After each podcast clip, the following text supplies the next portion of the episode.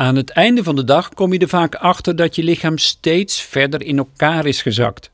Want door het werk achter je computer, vergaderen en ander zittend werk geef je onbewust toe aan de zwaartekracht.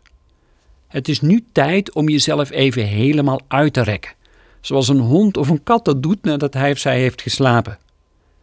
Vouw even je vingers samen, alsof je wil gaan bidden. Adem erbij rustig in. Strek vervolgens je armen even helemaal recht voor je uit. En draai daarbij je handen naar buiten en adem krachtig uit. Maak het bovenste gedeelte van je rug en je schouders helemaal rond en leg je kin op de borst. Rek je daarbij maximaal uit. Houd je vingers nog even in elkaar gestrengeld, alsof je jouw armen terugtrekt naar je borst. Je ademt nu in. Op de volgende uitademing strek je je beide armen richting het plafond.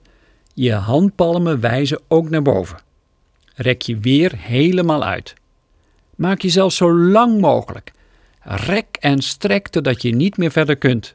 En dan nog iets verder. Pers het laatste restje adem eruit.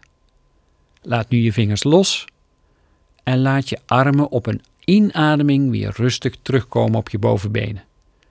Besef dat je altijd groter en langer bent dan je denkt.